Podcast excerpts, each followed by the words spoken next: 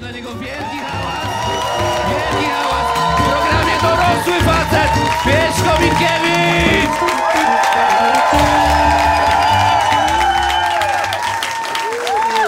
Siema Warszawa, hej! Siemka! Cześć i wy! Elo! Super! Jest zajebiście. E, To był Paweł Konkiel, dajcie mu też brawka, niech ma. Paweł Konkiel! Yeah! Spoko! Yeah! Fajny był Paweł? Opowiadał, że ruchał? Kłamał. Nie, ja Pawła bardzo lubię, tak żartuję tylko. To jest bardzo spoko, stabilny chłopak. Tak, jak ceny diesla, kurwa. Nie, naprawdę. To jest trochę dramat, że ten diesel jest taki drogi. Przez to, że ten diesel jest taki drogi, to ja musiałem zacząć znowu jeździć pociągami. Jak nie wiem, czy wiecie, no ja uwielbiam to robić. Nie, nie naprawdę, jest dramat. Ostatnio jechałem pociągiem z Łodzi do Warszawy tutaj i nie miałem biletu. Znaczy miałem, to jest skomplikowane. E, to jest tak, miałem bilet w telefonie, też nie. E, miałem bilet w internecie. Wiecie, to jest ta drobna różnica. Masz w internecie i a, no sobie ściągniesz najwyżej, jak będzie kontrola. Tylko, że akurat jak była kontrola, to był kurwa Żyrardów. Więc ja stoję, mi się nie ładuje, kręci mi się to kółko, nade mną się kręci konduktor. I jest coraz bardziej wkurwiony i mówi, pan w ogóle nie zna regulaminu, pan musi być zawsze gotowy do kontroli. Ja nie wiedziałem, co mu powiedzieć, to powiedziałem tylko no, za opóźnienie serdecznie przepraszam.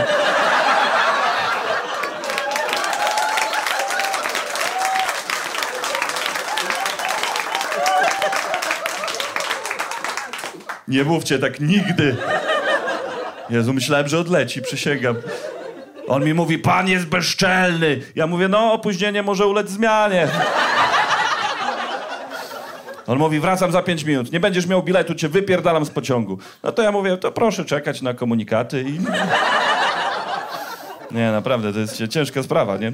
Ale podejrzewam, że to nie jest wina PKP. To chyba ja jestem po prostu trochę nieogarnięty i potem mnie spotykają takie przygody. Zresztą na ten pociąg też się prawie spóźniłem, bo musiałem skorzystać z takiej instytucji, e, co się nazywa Uber e, i dalej się nazywa. E, Dla mnie to jest nowość, ja z Białegostoku jestem. U nas Uber to też jest, ale są dwie opcje. Albo, albo auto, albo dorożka, wiecie. No i musiałem wezwać tego Ubera w tej łodzi. Miałem 15 minut, żeby mnie zawiózł na pociąg, więc zamawiam tego Ubera. Zbiegam jeszcze po klatce schodowej, tam wkładam buty w połowie drogi, żeby zdążyć. Wsiadam do tego Ubera i mówię, błagam pana, za 10 minut mam pociąg do Warszawy, zdążymy? A ten skurwysyn mówi, no postaram się pana nie zawieść.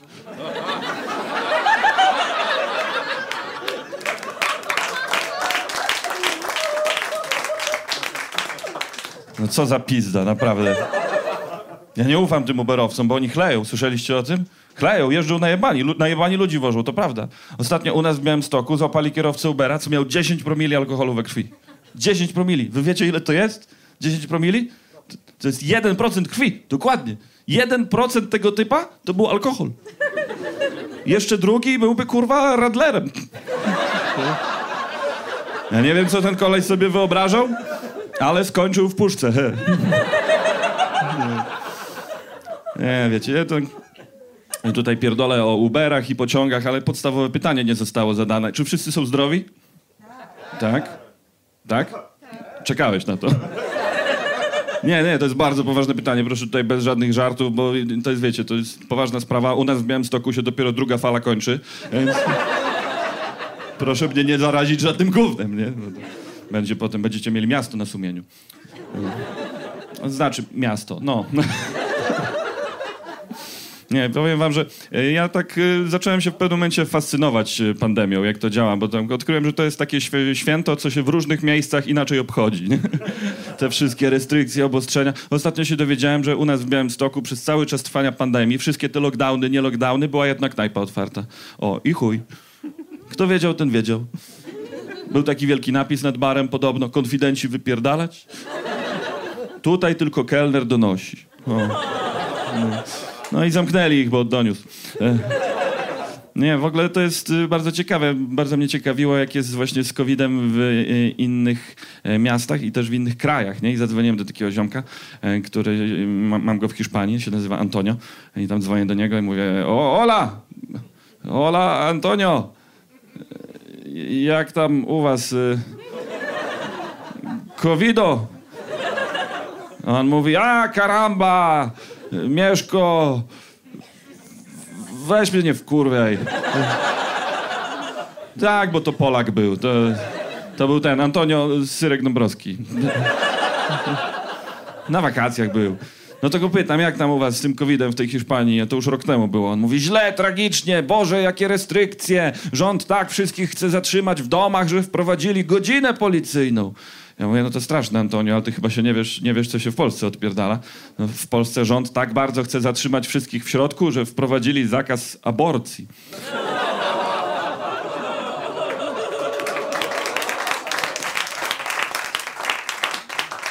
Ja wiem, ja, sorry, że tak wyjebałem. Ja wiem, to, to jest kontrowersyjna sprawa. To, ja wiem, wiem, to jest kontrowersyjna bardzo. Napisałem ten żart kiedyś na Facebooku białostockim. Tak, bo mamy swój. E, tak. I, I jeden koleś napisał, skasuj to kurwo lewacka. No, to mu odpisałem, no sorry stary, ale żyjemy w takim kraju, że pomimo wad tego żartu nie mogę go usunąć.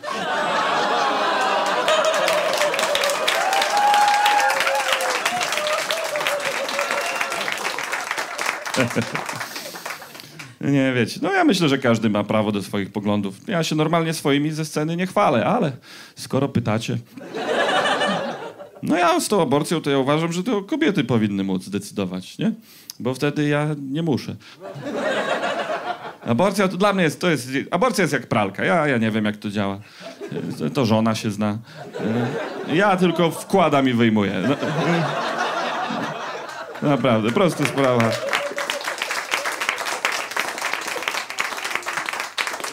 Każdy ma prawo do swoich poglądów, tak uważam. Nawet Kaja Godek. O kurwa. Ale dramatyzm. No. Nie, ale kojarzycie Kaję, nie? Tak, Kaja wiecie, jest za stuprocentowym zakazem aborcji. W stu procentach. W żadnym wypadku nie można aborcji. Nawet jak płód może zabić matkę, nie wolno aborcji. Bo płody to życie, a matki to kurwa paczkomaty. No, wiadomo, taki ma pogląd i ma prawo do niego, tak samo jak ja mam prawo do swojego poglądu. O Kai. Taki też posiadam. Uwaga, mój pogląd to Kaj Godek. Ja uważam, że Kaja Godek myśli, że świat jest taki prosty, bo patrzy na niego spod tej grzywki. Ludzie myślą, że to jest kwestia światopoglądu. Nie, to jest kwestia optyki po prostu. To jest taki rycerz na wiecznej ukrucjacie w przyłbicy, kurwa.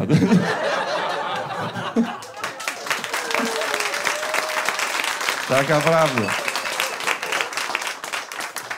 I to jest bardzo problematyczna przyłbica, bo przez nią Kaja widzi tylko połowę problemu.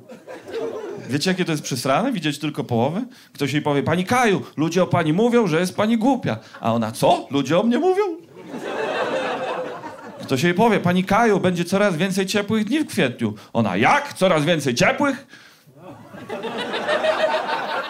Przejebane, tylko połowę problemu, no. Jej ulubionym muzykiem jest golec. Tak. Przepraszam, że ją tak cisnę, ale ona jest głupia. tak. Niech ma.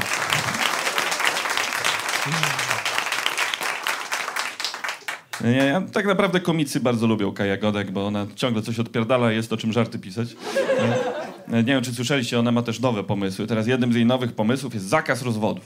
Tak, to od niej. Zakaz rozwodów od Kai Godek. No, okej, okay, ale moim zdaniem tam niepotrzebnie idzie na półśrodki. To powinna od razu zakazać zła na świecie.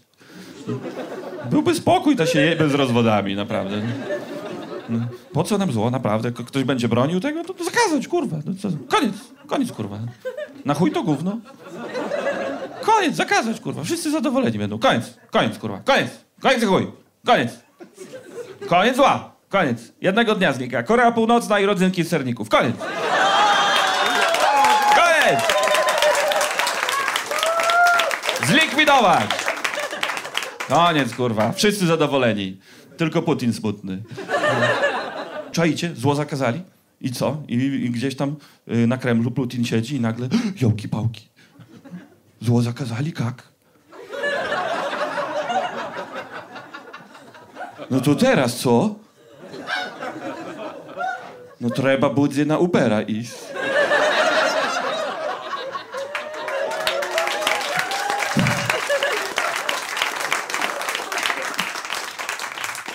Czajcie, że zamawiacie Ubera, tutaj o, za trzy minuty będzie Władimir? Ocena? Jedna gwiazdka. Ale czerwona. No, tylko szybko, panie Putin. Za 10 minut mam pociąg do Warszawy. Zdążymy? A Putin, o, problemu nie ma. Damy gazu. A! Piękny świat, piękny świat by był. No niestety, świat nie jest taki piękny, jak w marzeniach Kai, ale ma przebłyski. Ja byłem ostatnio świadkiem przebłysku, sobie wracałem z występu autem tym razem i się zatrzymałem e, na stacji benzynowej. To nawet nie była wioska, to była taka samotna stacja benzynowa, pośrodku niczego. I pod tą stacją siedział żul. Tak, ja ich przyciągam, kurwa. No ja wysiadam z tego auta i on na mnie kursuje od razu mówi, przepraszam, czy mogę... Ja miałem najgorsze myśli w głowie. Ja myślałem, że on powie, przepraszam, czy mogę papierosy pana wszystkie. Przepraszam, czy mogę pieniądze panu zabrać jakieś. Przepraszam, czy mogę panu obciągnąć za kokainę. A on przychodzi i mówi, przepraszam, czy mogę zrobić sobie z panem zdjęcie, panie Mieszku? Żul był, kurwa, moim fanem! To tak wiele wyjaśnia. To jest...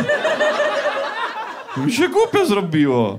Nawet naprawdę pogadałem z nim chwilę, okazało się, że normalny facet, Paweł miał na imię. Na support wziąłem, super. Nie,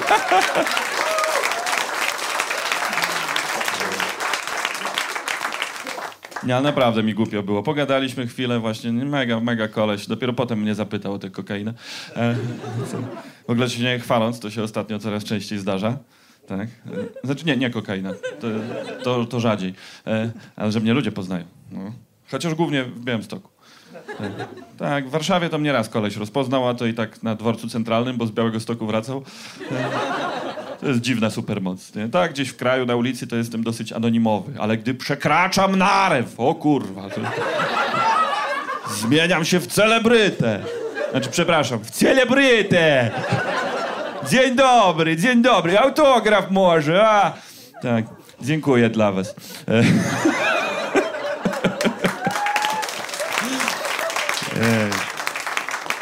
Ja naprawdę, ja nie żartuję, to jest prawda. Ostatnio mnie rozpoznali w Białymstoku w kolejce do Toytoja. tak, tak, bo już mamy. No. Mamy takie food trucki w centrum miasta, jak ktoś chce jeść i obok są Toytoje, jak ktoś chce srać. Tak. I mówimy na to centrum właśnie. Nie, i stałem w tej kolejce do Toytoja i przede mną się drzwi do kabiny otwierają i wygląda koleś i mówi Mieszko Minkiewicz, ja znam, widziałem na YouTubie wszystko. Idź może do drugiej kabiny. To uczciwy, to się ceni. Ja się wzruszyłem, to mówię, dzięki stary, poznałeś, to no, mi miło, to mam wrażenie, że w tym mieście to mnie wszyscy znają. A on mówi, no, bo to Białystok, to się wszyscy znają. Ale ja i tak lubię z tego korzystać. Moją ulubioną zabawą to jest zapraszać do Białego Stoku komików, którzy są mniej znani ode mnie i iść z nimi na miasto i wtedy mnie poznają, a ich nie. To jest super. Paweł Konkiel się do tego tak dobrze nadaje. Jeszcze mam drugiego faworyta, nazywa się Arkadiusz Jaksa Jakrzewicz. Kojarzycie? O to chodzi. Nikt go kurwa nie zna. No i zaprosiłem go i przyjechał do Białegostoku i poszliśmy na miasto, zrobiliśmy to i stało się dokładnie to, co przewidziałem. Czyli ktoś chciał ze mną zdjęcie, a z nim nie. I wiedziałem, że wydoję to do końca. Więc podchodzę do tego typa i mówię, słuchajcie, oczywiście zrobimy sobie zdjęcie, tylko że macie teraz niesamowitą okazję, że możecie sobie również pierdolnąć zdjęcie z Arkadiuszem. A on tak pyta, z kim? A mówię, z Arkadiuszem, to też jest komikiem. A on mówi, aha, nie?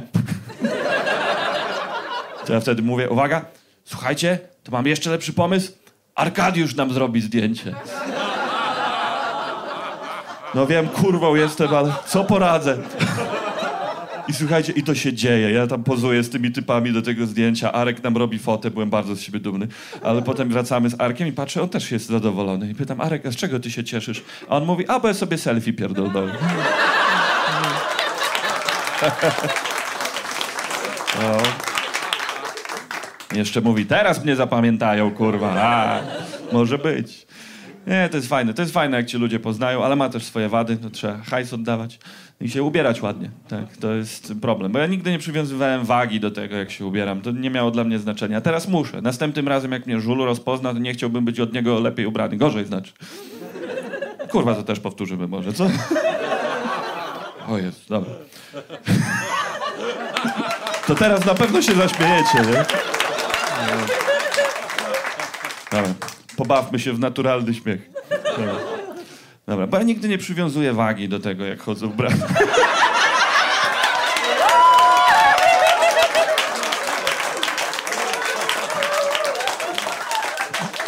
No nie, to ni chuja nie wyjdzie, prawda? Może po prostu nagramy jak się śmiejecie, a potem jak wyjdziecie, to ja to powiem. Dobra, wiecie o co chodzi. No ja nie przywiązuję wagi do tego, jak chodzę ubrany. A teraz muszę, bo jak następnym razem mnie żulu rozpozna, to nie chciałbym od niego być ubrany gorzej.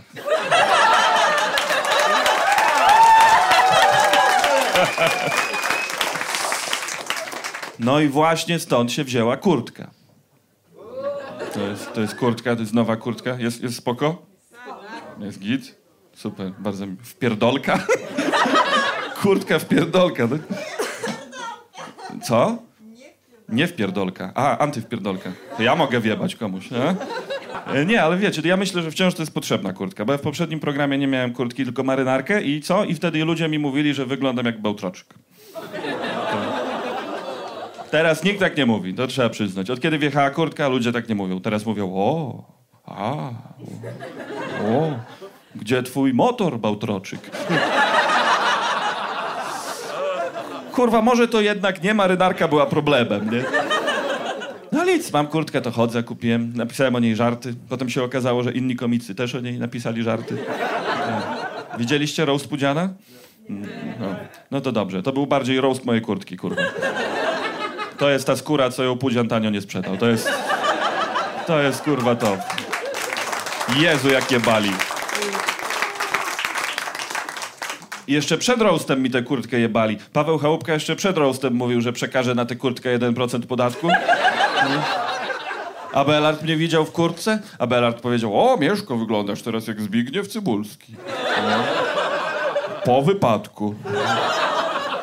A Wiolka, kurwa, Wiolka mnie zobaczyła w kurce, to też mówi Bieszko, dojebałeś to, dokładnie tak wygląda ministrant, który chce poderwać księdza. Tak!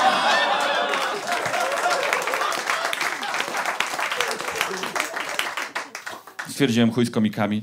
Poszedłem do domu, żonie się pochwalić i mówię, patrz kochanie, patrz co wjechało, skóra, fajna, fajna, a żona szczera, więc mówi, nie. Pojebało cię, wyglądasz jakby gumisie miały gang motocyklowy.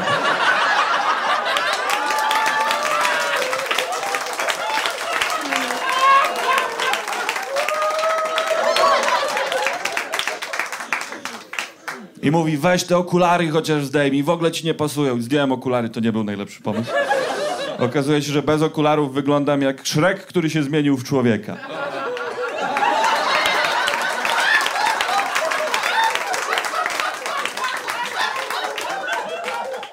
Przepraszam, że musieliście to widzieć. Nawet ja tego nie widzę normalnie. No nic, no. Ale nic, kurtka, powiem wam, że ona już mnie wkurwia samego. No to skóra jest, to powietrze nie przepuszcza. Ja w tych lampach stoję, pojebało mnie. Ja tu będę godzinę stał. Wiecie, co się będzie z tyłu działo? To mamy mikroklimat własny, ale chuj. Ale stwierdziłem, donoszę. Wytrzymam, donoszę. Mam tak czasami z rzeczami, które mnie wkurwiają. A, wytrzymam, donoszę. Z obrączką też tak miałem. Są jakieś małżeństwa dzisiaj? O, super. To jest ten entuzjazm właśnie. Nie, nie spokojnie. E, długo jesteście razem? No tak. Spokojnie, spokojnie, nie będę jebał małżeństw. Małżeństwa już mają dość od życia, z singli będziemy pizgać. tak jest, tak jest. Nie, bo ja mam kumpla, który jest singlem, ale poznał dziewczynę i są razem od tygodnia. I spotkałem go i on mi powiedział, cytuję, stary, nie podoba mi się, co się dzieje w moim związku.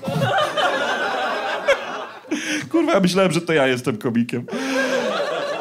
I więc pytam, co się dzieje nie tak w twoim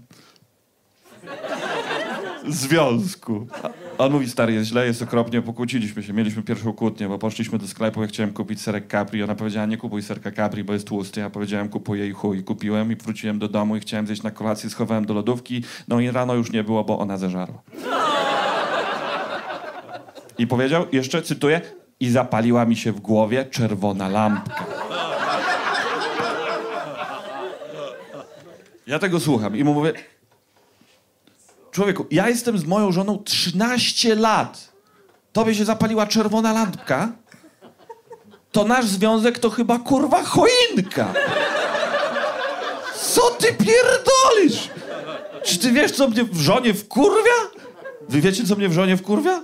Nie, nie, nie, ja sobie zapisałem.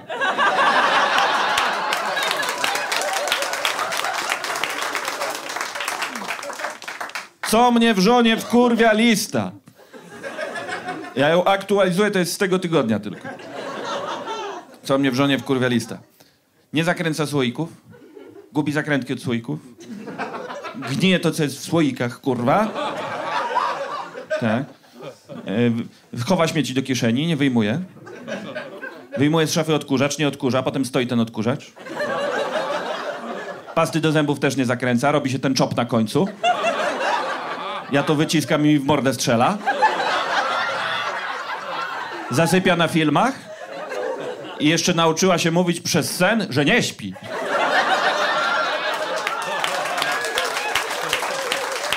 Czerwona lampka. Ja już wiem, że to się nie zmieni. Było 13 lat, żeby się zmieniło, się nie zmieniło. Chuj, to już jest nabyte, to już zostało. Jedyne, co mi dalej pozwala trwać w tym związku, to świadomość, że ja też mam takie rzeczy, co ją wkurwiają. I już się nie zmienią. I nawet wiem jakie, bo mi wypisała z drugiej strony. Co żonę wkurwia we mnie lista? Chrapie jak się napierdolę? Napierdalam się. jak nitkuję zęby, to strzelam jakimś gównem z tej nitki na lustro. E, Dośpiewuję chórki w piosenkach w miejscach, gdzie ich nie ma. Pokazuję jej, jak ma parkować, nawet jak dobrze parkuje. Mycie kibla to dla mnie szczanie na to gówno, co się przykleiło.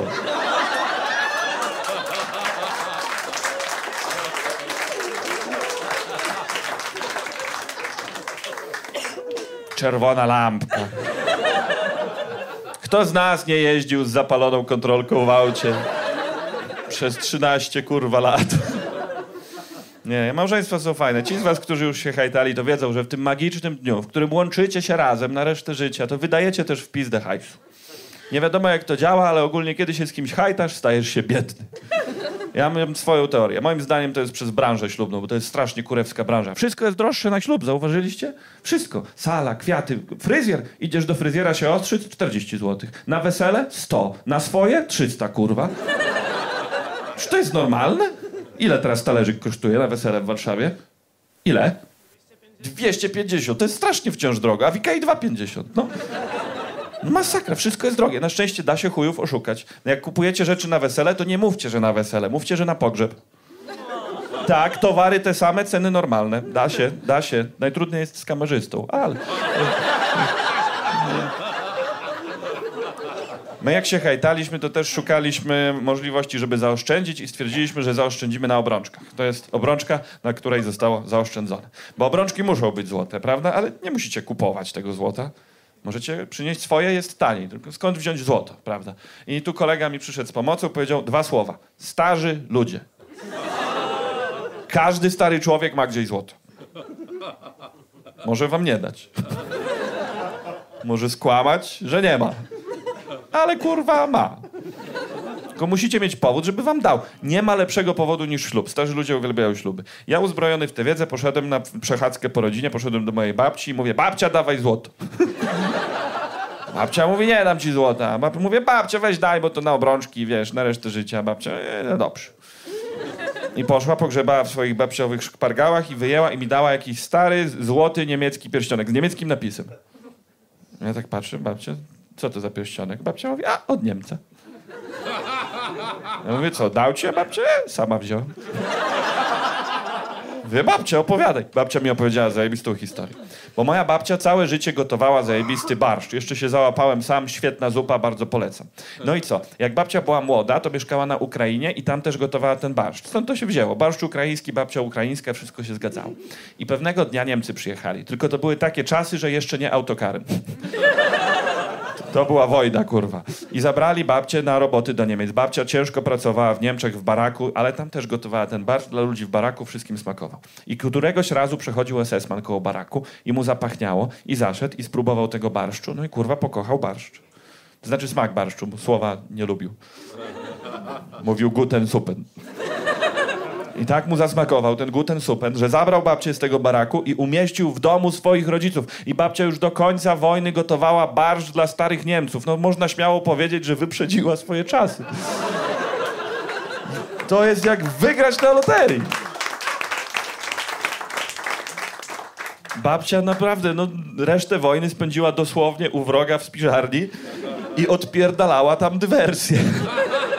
I to tak skutecznie, że przez te ciężkie wojenne lata moja babcia przytyła 15 kilo. No, drzesza się kurczyła, babcia rosła. No. Niesamowite. Poza tym, jak y, gotujesz, no to masz dużo wolnego czasu, bo to tylko trzy razy dziennie. Babcia miała dużo wolnego czasu, do kina chodziła, miała swój leżaczek nawet, jak był ciepły dzień, się opalała u Niemca w ogródku. Tak. Jak Warszawa płonęła, to moja babcia się rumieniła tylko. Tak. Dobra, dobra, tyle żartów o Białymstoku było, jeden z dziesięciu, kurwa. Nie, potem wojna się skończyła. Spoiler.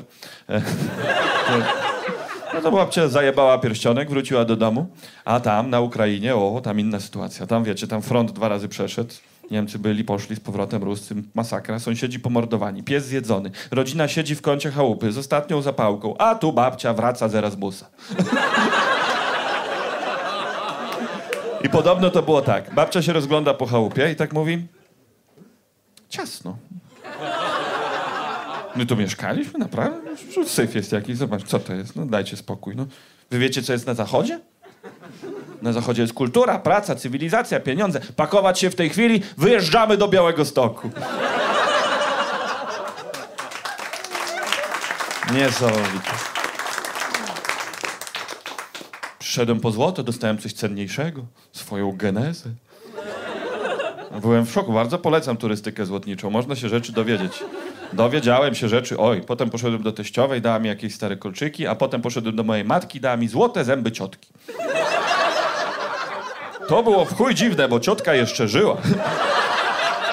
Więc pytam, mamo, jak ty to sobie wyobrażasz? Dasz mi złote zęby, a co na to ciotka Helka? Przecież to jej. A mama mówi, nie, nie, nie, bo ty się pomyliłeś, Mieszku. My mamy dwie ciotki Helki w rodzinie. Jedna żyje, druga nie, więc się uspokój.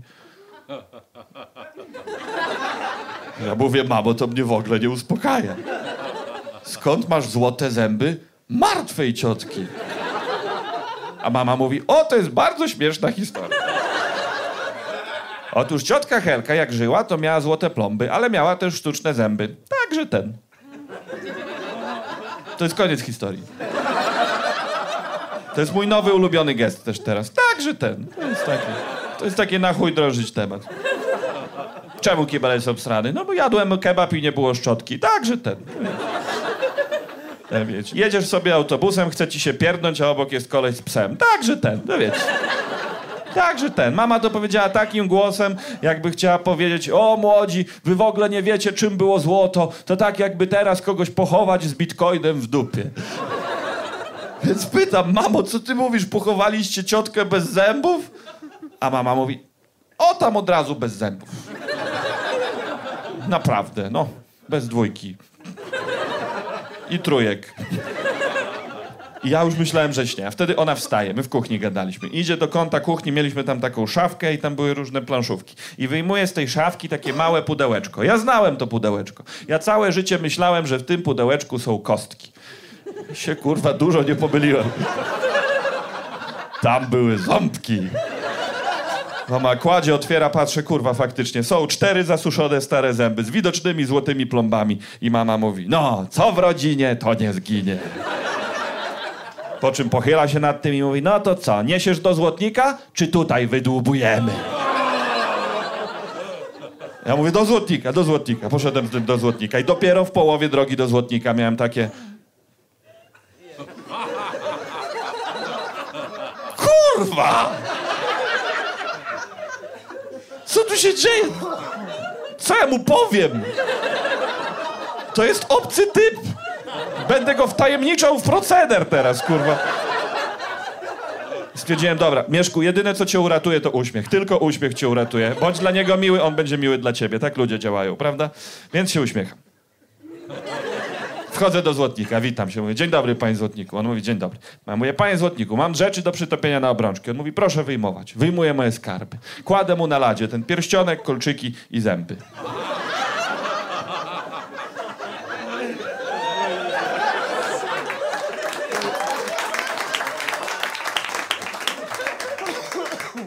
Wygląda to, jakbym zajebał cygankę. I jeszcze tę kurtkę miałem. Jezu. Złotnik milczy. No to ja próbuję. Mówię, no panie Złotniku, he. Pewnie nie takie rzeczy panu ludzie przynoszą, ha. A on mówi, no pan jest pierwszy z czymś takim. Ja mówię, no panie Złotniku, bo są, wie pan, pamiątki rodzinne, my byśmy to chcieli przetopić na obrączki, żeby zostało w rodzinie. Także ten. To go trochę kupiło, Złotnik wziął te zęby, zaczął oglądać. Jeden postukał o ladę, drugi spojrzał pod światło, trzeci wziął i nadgryzł. To, była ostatnia akcja ciotki, tak sądzę.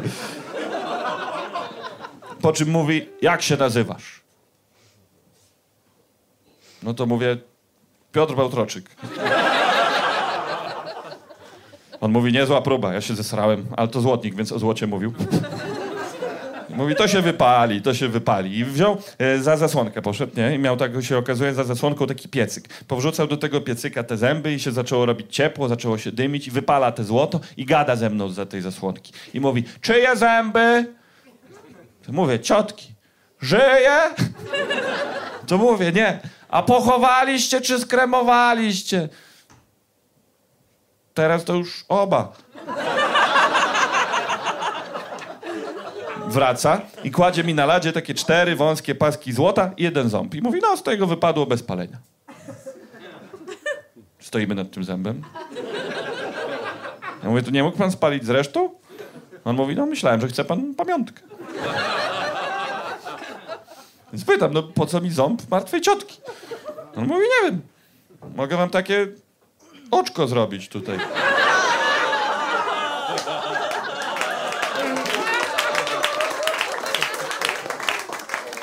Ja mówię, nie chcę oczka. On mówi, to co? Ja mówię, nie wiem, wyjebać? On, jak, ciotkę? Mówię, dobra, ciotki nie, no to wezmę. Wziąłem ząb do kieszeni, pożegnałem się i wychodzę. Idę teraz, wracam do domu z zębem ciotki w kieszeni. Nie mam pojęcia, co z nim zrobić, kurwa. Co się robi z zębem martwej ciotki, co, kurwa? Pod poduszkę włożę? No. No nie, nie wydaje mi się. Nie zasnąłbym spokojnie. Wiem, gdzie jest reszta wróżki. Właśnie, to był mój drugi pomysł. Może pójść na cmentarz, na grób ciotki, wcisnąć ten ząb w ziemię, powiedzieć miłe słowo. Gryź glebę, nie wiem. Stwierdziłem, że żonę zapytam, żona jest mądra, więc pokazuję jej, wróciłem do domu, pokazuję jej tego zęba, opowiedziałem historię, żona tak duma. My- Mówi, hmm, hmm, hmm, hmm, hmm. Mówisz, że tamte spalił. Ja mówię tak. A ciotka zakopana? Tak. Hmm. To wrzuć do wody, żeby się żywioły zgadzały. No ja bym rok myślał, nie wymyślił. A ona jeszcze mówi, czekaj, czekaj, czekaj, czekaj. Ząb do wody, ciotka w glebie, reszta w ogniu, dusza w niebie.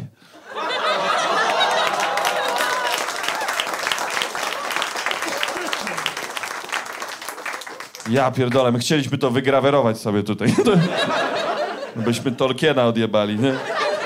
Nie zmieściło się niestety, więc mamy tylko co w rodzinie, to nie zginie. No.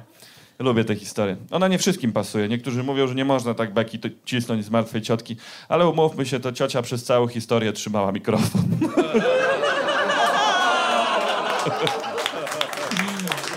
Oj, to... Ja uwielbiam historie rodzinne. Każda rodzina ma taką historię. Tylko się nie chwalą, bo to trzeba, żeby się chwalić, być pojebanym. Dzień dobry. E, Mam drugą. E, Dwa lata temu żona do mnie przychodzi i mówi, kupmy psa. A ja mówię, nie, błagam, tylko nie psa, bo ja nie lubię. Już lepiej kota. Ona mówi, nie, bo koty to nie czułe skurwysyny. Ja mówię, no tak, ale przynajmniej się wstydzą swojego gówna. No i nikt nie wygrał tej kłótni, zdecydowaliśmy się na dziecko. Tak. Dziecko to nie jest jak pies czy kot, nie można kupić, to się trzeba starać, to jest dużo więcej jebania. No to zaczęliśmy się starać i tak się staramy. No mi się podobały te starania. To było okej, fajne były. Ja tak, no żona była bardziej na cel nastawiona, dla mnie liczyła się droga. No i się tak staraliśmy, staraliśmy, staraliśmy, coraz dłużej się staraliśmy, staraliśmy, staraliśmy. Żona coraz bardziej wkurwiona. My się dalej staramy, staramy. W końcu żona mówi, Mieszko, musisz się postarać bardziej. No to ja jej mówię,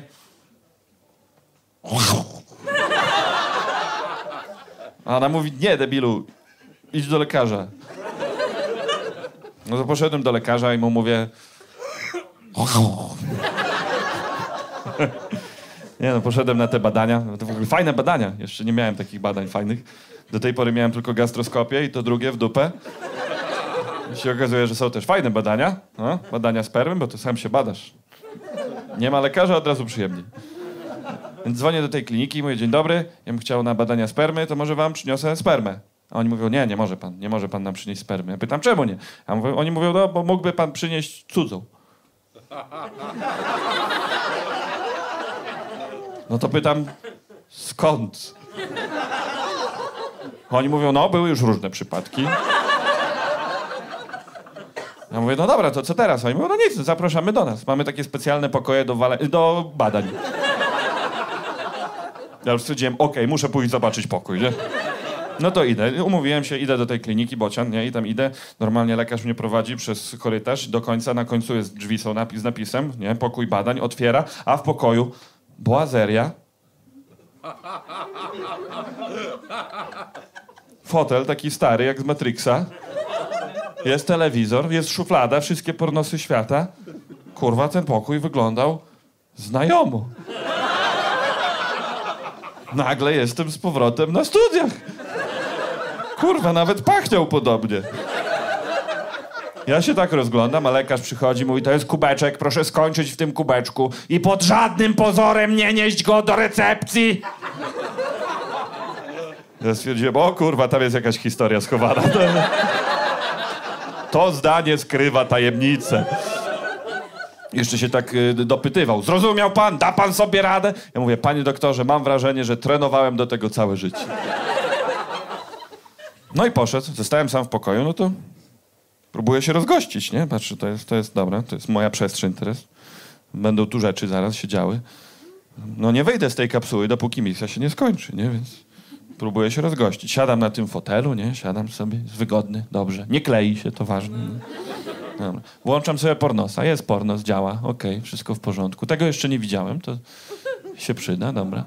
Patrzę, gdzie ten kubeczek? Tutaj stał na stoliku, nie? To podchodzę, biorę sobie kubeczek ze stolika, wracam na fotę, teraz siadam, w jednym ręku mam kubeczek, w drugim mam kutasa. No i wam powiem, no niewygodnie. No już się pilot nie zmieści. Myślę, kurwa, kto to projektował? Bez sensu. Więc myślę, dobra, muszę zrobić przemeblowanie. Więc biorę fotel, przesuwam go sobie do stolika. Teraz kładę sobie kubeczek na stoliku, pilot na stoliku, wszystko jest elegancko. Siadam w fotelu, teraz kurwa telewizor krzywo. No bo przesunąłem, nie? No dobra, no to podchodzę do telewizora, przekręcam, wtyczkę wyrwałem. Kurwa, to jest pokój badań czy escape room? Do chuja.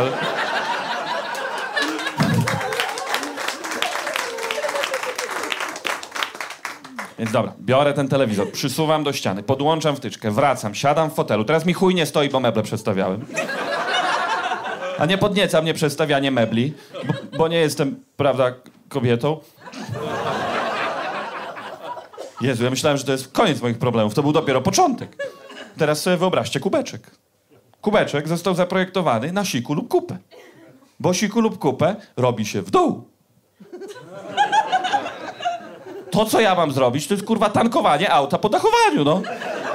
No jak? Jak kurwa? No kur... jak to działa, no? Ciebie to bawi bardziej niż resztę.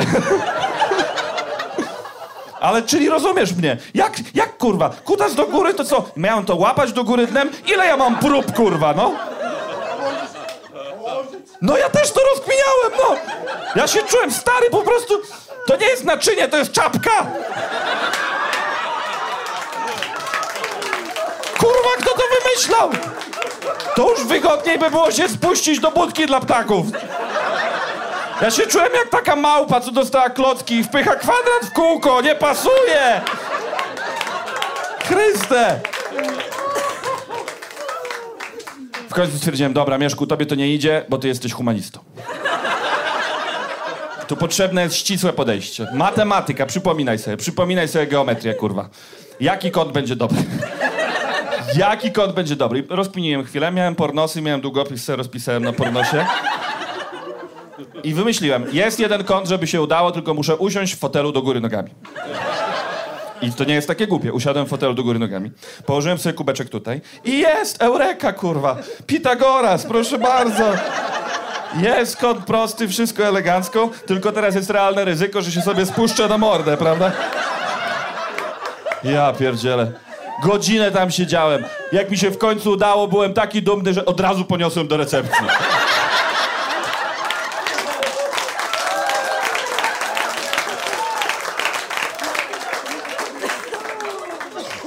No i przebadali e, i okazało się, że mam leniwe plemniki. Jedna czwarta normalnej skuteczności, totalnie moje chłopaki. No i w związku z tym lekarz e, zabronił mi alkoholu, papierosów, narkotyków i niezdrowej diety, czyli kurwa życia. I odstawiłem wszystkie te rzeczy, wszystko odstawiłem. Byłem na takiej przymusowej abstynencji. Trwało to już jakiś czas, aż w końcu któregoś dnia żona mnie woła z drugiego pokoju. E, Mieszko, możesz się najebać!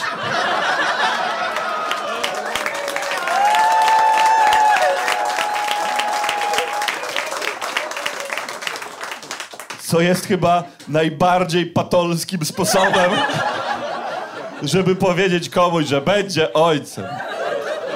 No ja się wzruszyłem. Ja przyszedłem, pokazała mi test, ja mówię, o Jezu, kochanie, tak się cieszę. Ona mówi, naprawdę? Ja mówię, tak, teraz ty nie pijesz. Nawet mam mały prezent dla ciebie z tej okazji. Zobacz, to są kluczyki do auta. A! Dziewięć miesięcy twoje. Jest. Ja się wzruszyłem wtedy, naprawdę. Wszystko się zmieniło. To był taki moment, w którym się wszystko zmieniło. Żonie zaczął rosnąć obcy w brzuchu, a my zaczęliśmy się zastanawiać, kto tam w środku siedzi, bo nie wiadomo, nie? Dopiero w trzecim miesiącu jest taki moment, gdzie można zrobić USG, na którym widać płeć. No to poszliśmy na to USG i lekarz nam przedstawia, żonie dźgadło do tego brzucha, tam jeździ. W sumie mam rekwizyt, żeby to pokazać.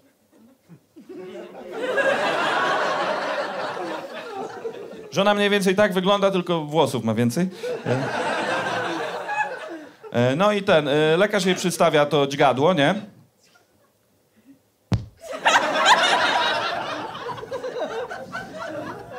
No i tam jeździ, nie?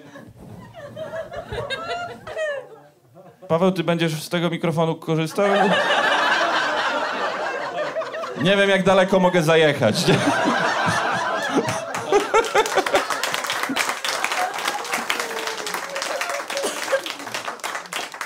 No to lekarz jej tam przedstawia, jeździ, nie? I tu mamy ekran, nie? I e, je, lekarz jeździ, a ja patrzę na ekran i na ekranie pokazuje się, nie?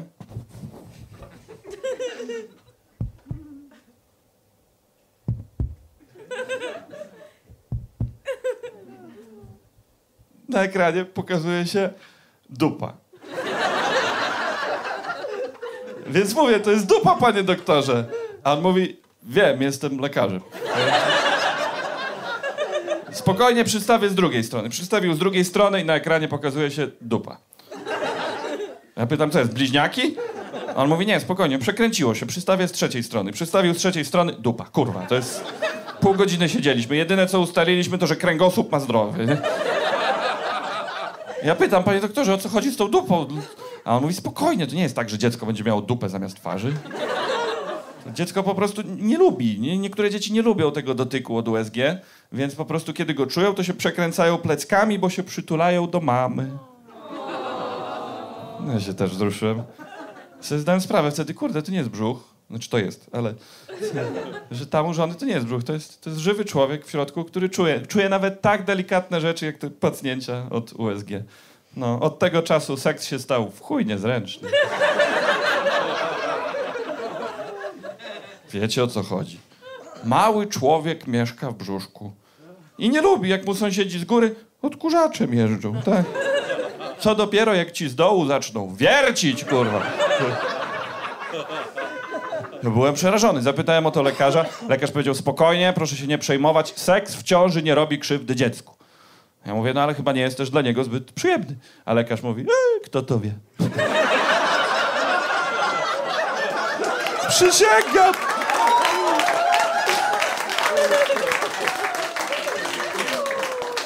No dobra, to, to było w chuj niepokojące, po prostu. Ale pomyślałem nad tym chwilę i lekarz ma rację. Kto to wie? Kto to wie? Kto to wie, jakie to jest uczucie, jak się twoi starzy ruchają, a ty jesteś po środku? No kto to wie? No, no nikt, tylko to dziecko to wie. Może to nie jest złe uczucie. Może to jest takie, wiesz, to, to jest małe dziecko. Co ile tam? Tam jest dużo miejsca. Może to dziecko ma takie yeah! Jestem w Energylandii! Woo! A może to jest takie uczucie, jak jesteś w Biedronce i cię emeryt wózkiem w dupę pcha. Jedno z tych dwóch, na pewno. Może stąd się biorą nadpobudliwe dzieci. Może potem rodzice się zastanawiają już nad takim czterolatkiem. No czemu ten nasz Jasio tak popierdala po ścianach?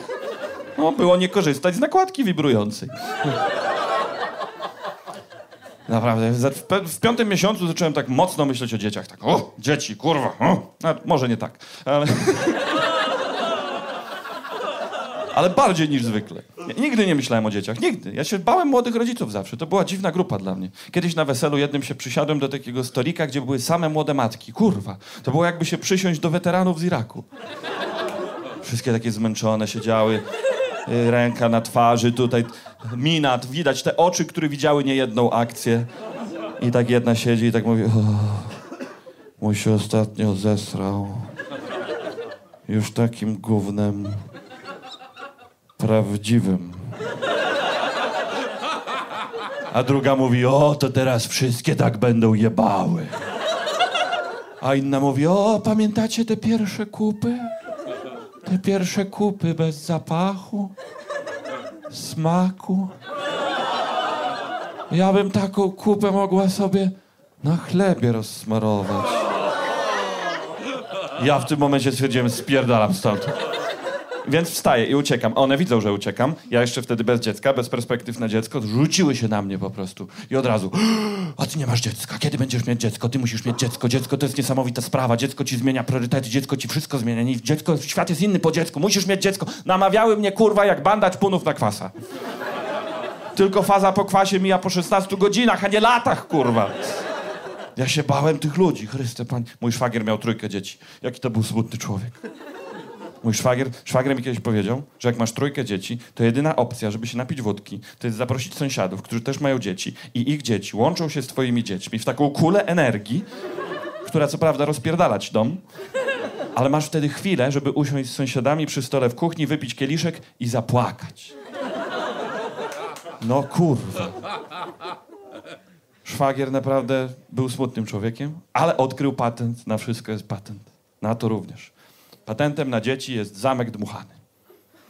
Zamek dmuchany w Białymstoku kosztuje 100 zł za godzinę, ale szwagier mówi, że jest bezcenny. Zamawiasz taki zamek, przyjeżdża koleś z zamkiem, nie wiem jak on się nazywa, kustosz, nie wiem. Rozstawia wam ten zamek w ogródku kustosz, nie? I tam dzieci popierdalają w tym zamku i są tą kulą energii, ale na zamku. Teraz to jest kurwa festiwal średniowieczny, nie? I one tam od ścian się odbijają, wytrącają energię i robią to do skutku, bo ty płacisz, kurde, za zamek. Do skutku, czyli aż pójdą spać. Szwagier powiedział, że zamek dmuchany to jest dla niego większe odkrycie niż pierwsza masturbacja. Bo ulga jest większa. I ja byłem świadkiem, przysięgam wam, ja byłem na imprezie w zamkiem. Ile tam było szczęścia. Dzieci szczęśliwe, bo popierdalają na zamku. Rodzice szczęśliwi, bo mają spokój. I kustosz szczęśliwy, bo hajs liczy.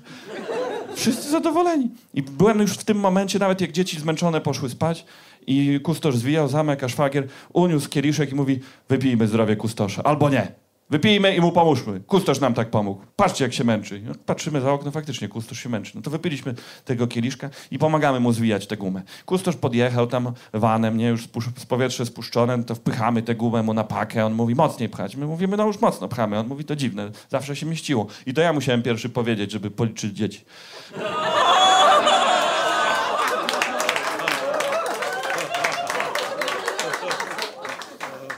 Tak w siódmym miesiącu zdałem sobie sprawę, że kurde, dzieci to jest odpowiedzialność, to trzeba umieć. Trzeba umieć dzieci. A skąd się nauczyć, jak nie mam jeszcze? Stwierdziłem, że z żoną razem stwierdziliśmy, że zanim będziemy mieć swoje, to warto by było pożyczyć cudze. Wiecie, celem nauki. No i pożyczyliśmy od siostry żony i się nauczyliśmy masy rzeczy. Przede wszystkim nauczyliśmy się, że w chuj łatwo pożyczyć dziecko. Pierwsze pytanie to było, na ile lat? Życzyliśmy na wieczór, e, też już e, czterolatka, Max się nazywał. Czterolatki mają swoje zalety i wady. No, główny problem jest taki z nimi, że myślą. To, to może być dobre lub złe. I tutaj było różnie. No Max y, raczej sam się sobą zajmował, więc my siedzieliśmy na kanapie, sobie oglądaliśmy Netflixa, ale w pewnym momencie przychodzi do nas i mówi ciocia, mogę siku z balkonu? I moja żona mówi, nie Max, nie można robić siku z balkonu. On, o, poszedł. Nie było go minutę, wraca, ciotkę, znaczy żonę ignoruje i do mnie. Wujek, mogę siku z balkonu? Ja mu powiedziałem, nie. I to był mój błąd, kurwa. Nie mówcie dzieciom nie. Mówcie dzieciom nie. Ja powiedziałem nie. Tam było, kurwa, pole do dyskusji. I on od razu w to pole. Czemu nie, wujek? A ja mówię, Max, wiesz, czemu nie można sikać z balkonu? Nie można, no mógłbyś komuś nasikać na głowę. I zobaczyłem w jego oczach błysk. On już, kurwa, wiedział, co on chce robić w życiu. Jezu, jak zjebałem. Musiałem do końca wieczora, byłem strażnikiem balkonu i chuj. Krzesło pod drzwiami balkonowymi. Musiałem siedzieć, bo inaczej nie było. Ciągnęło go na ten balkon jak jakąś Julię, kurwa, naprawdę. Ale siedziałem, pilnowałem. I w końcu wraca mama Maxa, no to ja wstaję otworzyć drzwi, otwieram, ona pyta, jak się Max zachowywał? Mówię, wszystko okej. Ona mówi, Max, nie z balkonu! Sekunda nieuwagi, przysięgam, patrzę, patrzę, krzesło odsunięte, g- drzwi otwarte, gnojek na balkonie, gacie w dół, ręce w górę, szczyt czwartego piętra, banan na mordzie i jeszcze mówi Mama, a wujek powiedział, że mogę komuś zrobić siku na głowę! I ona mnie pyta, czy tak powiedziałem. Ja mówię, tak, ale to była taka przystroga. No ona mówi, ty się w ogóle nie znasz na dzieciach. Patrz na to. I mówi, uwaga, tak powiedziała. Max, nie szczaj z balkonu, bo ci siurek uschnie! W pół strumienia przestał. Wodę zakręcili od razu. Zakleła dzieciaka, poszedł do kibla, w kiblu skończył się, kuna. Ja byłem w takim szoku, ja ją pytam, o Jezu, tak można? A czekaj, ale jak ty mu tak powiesz, to nie będzie miał koszmarów? A Ona mnie tak wzięła pod ramię i mówi, jak ja mu tak nie powiem, to on będzie kurwa koszmarem.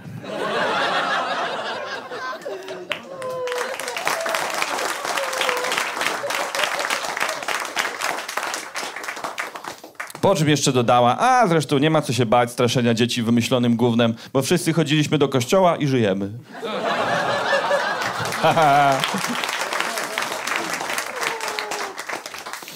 W dziewiątym miesiącu zacząłem się naprawdę kurwa bać. To już były takie lęki, czy ja będę dobrym ojcem. A potem sobie przypomniałem mojego starego i zdałem sobie sprawę, że poprzeczka jest kurwa zakopana. To był czerwiec wtedy. Dobra, niech będą brawka. Niech, niech... To dla wszystkich ojców. To był czerwiec wtedy, właśnie okolice Dnia Dziecka. E, moja koleżanka dostała wtedy wybitny prezent na Dzień Dziecka. 33-letnia kobieta od swojego starego dostała, uwaga, bilety lotnicze na turecką Rivierę. Ze starym poleciała na weekend. Spędzili tam czas, wypili drinka na plaży, wrócili, kurwa, Dzień Dziecka. Dzień Dziecka. Wiecie, co ja dostałem od starego na Dzień Dziecka? Telefon, kurwa. Nie kupił, zadzwonił. Odbieram telefon 1 czerwca, patrzę, mój stary, a tam... E, Mieszko, słuchaj, ty mówiłeś, że ci się kuna wpierdala pod auto i ci spierdala te, od spryskiwaczy kable przegryza, tak?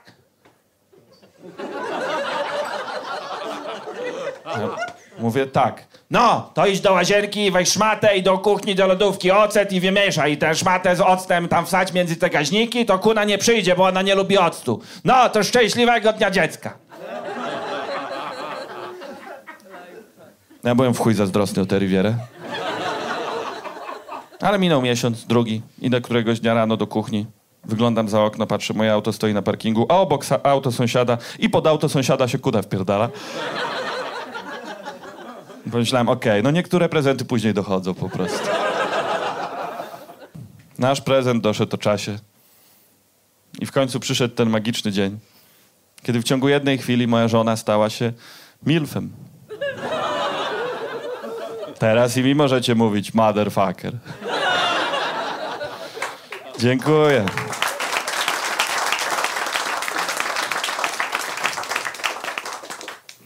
Nie bójcie się dzieci, rozmnażajcie się. Nie ma się czego bać. To jest sama radość. Tyle szczęścia.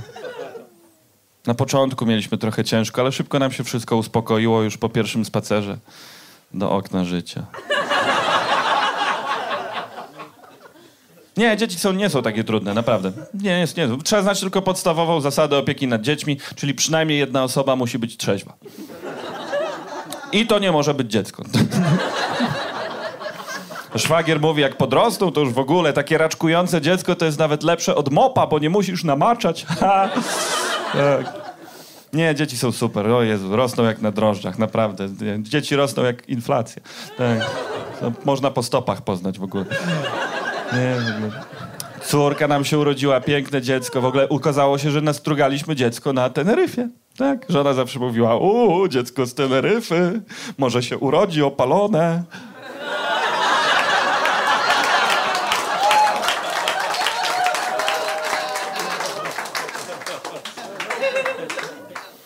Urodziło się piękne, zdrowe dziecko. 10 w skali Akbar. 4 w skali Allah, okej, ale... Nie, naprawdę wspaniałe. Każdy dzień jest cudem teraz. Ostatnio, ojej, powiedziała już córcia pierwsze słowo. Wiecie, jakie jest pierwsze słowo mojej córci? EU. Tak, lewactwo jest dziedziczne. EU. Ej, tak mówiłem, nie, córka, nie idź w politykę, powiedz coś ładnego, powiedz tato. Ona mówi NATO. Nie, ja już wiem, że kocham, ja już wiem, że do końca życia będę ją kompromitował. Nie. Jak to stary? Do końca życia będę do niej mówił córcia, córcia. Nawet jak będzie starą babą, będę też mówił córcia, córcia. Będę mówił córcia. Będę opowiadał gówniane historie z jej dzieciństwa.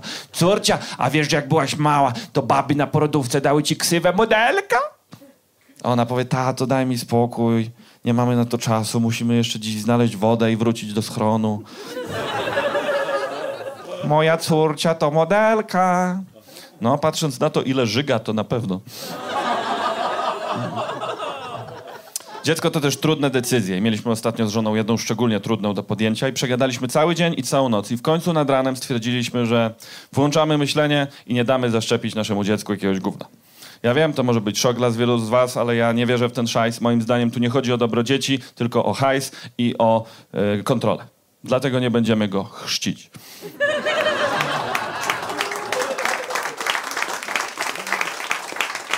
Ja wiem, ja wiem, to jest bardzo kontrowersyjny temat w tym kraju, nie chrzczenie. Szczególnie, kiedy masz na imię Mieszko. Nie, naprawdę. Jak się rodzina dowiedziała, Uu, co się działo? Ciotka zadzwoniła. E, Ta od zębów, tylko żywa. Ona jest katachetką. Było nieźle. Odbieram telefon, ona, o, słyszałam, co chcecie zrobić dziecku. To jest bardzo niedojrzałe, niedorosłe zachowanie. W tym kraju jest 90% katolików. Ja mówię, ciociu, tak, ale 90% katolików, a 60% z nich wierzy tak na 30. Ona mówi, ty się nie wymądrzaj, zawiodłam się na tobie. Myślałam, że pójdziesz drogą swojego wielkiego imiennika, Mieszka pierwszego. Ja mówię, ciociu, mam zamiar zrobić dokładnie to samo, co Mieszko pierwszy. Wypieram się wiary przodków, bo na zachodzie mają na to lepszy pomysł.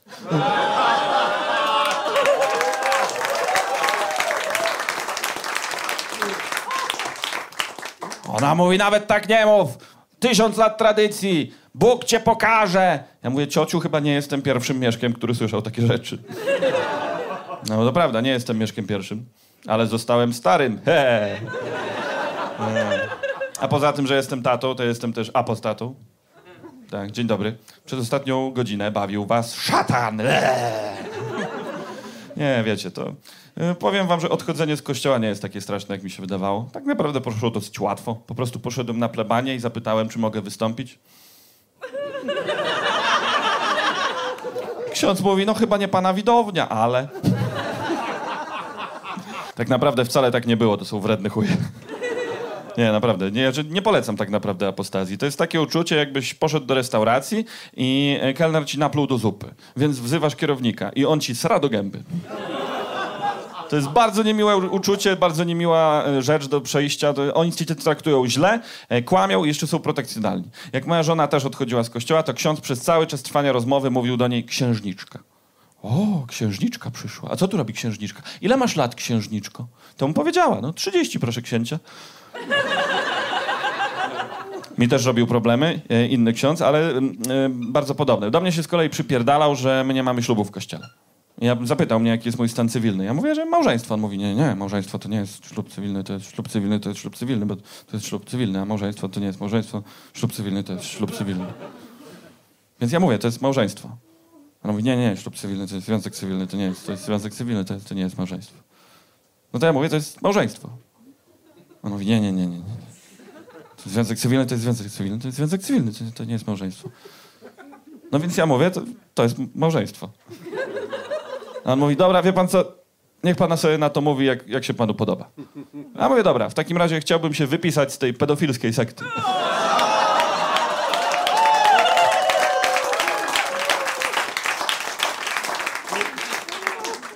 No i nagle u mnie procedura trwała dwa miesiące dłużej. Może wam powiem, dlaczego się wypisałem z kościoła na przykładzie etui do telefonu. Bo ja mam telefon, taki w etui, taki wiecie, z klapką się otwiera, zamyka. Wiecie, czym się różni etui z klapką od kościoła katolickiego? Etui z klapką nie chroni z boków. Taka prawda. No nie wiem jak wy, no ja mam wrażenie, że trochę przesadzają z tym ruchaniem dzieci. No. Kojarzycie na pewno filmy Sekielskich, nie? No to wiecie, że odpowiedzią rządu na filmy Sekielskich było powo- powołanie komisji do spraw pedofilii. I ta komisja chciała zbadać między innymi, jak wygląda pedofilia w kościele i się okazało, że to jest bardzo trudne do zmierzenia, bo oni się tak średnio przyznają. Dlatego komisja zrobiła coś innego i zrobiła takie badanie wśród pedofili, żeby ustalić, ilu wśród pedofili jest księży. Na odwrót. I się okazało, że uwaga, co trzeci pedofil to ksiądz. Można to sprawdzić w internecie, to jest prawda. Co trzeci pedofil to ksiądz. Słuchajcie, wchodzi trzech pedofilów do baru. Dwóch na drinka, jeden po kolędzie. Co trzeci pedofil to ksiądz. Jakby czajcie, pedofile w tym kraju są bardzo zagrożeni powołaniem. Co trzeci pedofil to ksiądz. To o to chodziło w tym, że jest jeden w trzech osobach? Naprawdę?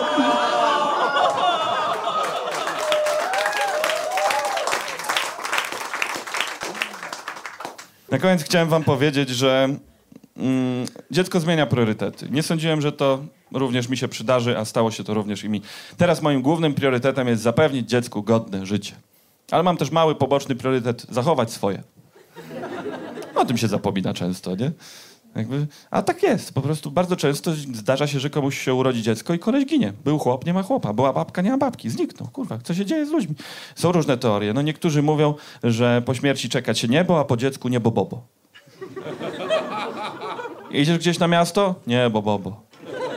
Może na basen chociaż? Nie, bo bobo. Ja się boję niebo boba w chuj. Ostatnio byłem na mieście, spotkałem ziomka, którego nie widziałem 7 lat. I pytam go, 7 lat go nie widziałem, normalnie siedział, piwko pił. Więc pytam go, stary, co się dzieje? 7 lat cię nie było, co jest, dziecko ci podrosło? On mówi, nie, mordo, w pierdlu siedziałem. Ale można się pomylić. Ja się boję nieboboba, jednak wierzę w to, że da się to pogodzić. Życie rodzinne i życie prywatne, dziecko i siebie. I myślę, że nawet ostatnio mi się udało, bo ostatnio nawet w zeszłym tygodniu kupiłem dziecku już Lego na siódme urodziny. Lego pociąg kupiłem. Zawsze chciałem. Tak, mój teraz. No jak ja miałem 11 lat, to rozbiłem sobie wargę tutaj, nie? I poszło dużo krwi, e, ale też przyszło dużo hajsu z ubezpieczenia. I ojciec powiedział, że możemy za ten hajs kupić sobie dowolny zestaw Lego i ja się zesrałem. Wiedziałem, że dostanę pociąg, ale poszliśmy do sklepu z Lego i tam był mój pociąg, ale było też tyle innych zestawów. Były takie różne zestawy, między innymi była świątynia Anubis. Taka, wiecie, miała pułapki, jak z Indiany Jonesa. Ja myślę, o kurwa, jaki fajny zestaw. I ojciec mówi, co kupujemy? Ja mówię, nie muszę się zastanowić. On mówi, nie ma czasu, teraz wybieraj, albo nic nie kupię. Mówię, dobra, no to, to kupmy świątynię Anubis. I wybraliśmy świątynię Anubis. I wiecie co?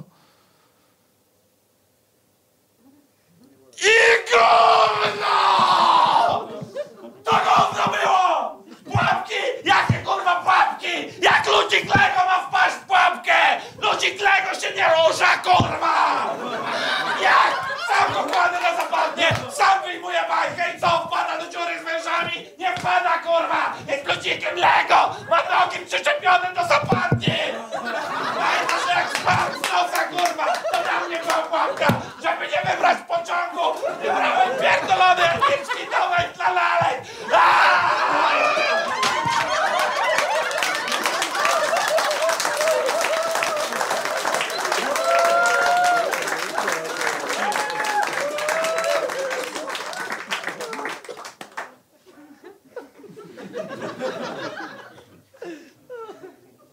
No, to teraz mam swój pociąg. Nie dam go nikomu. Dziecko niech spierdala. Jak będzie chciało prezent, to mam gdzieś jeszcze w piwnicy świątynię Anubis. Dziękuję bardzo, Warszawa. Tyle ode mnie.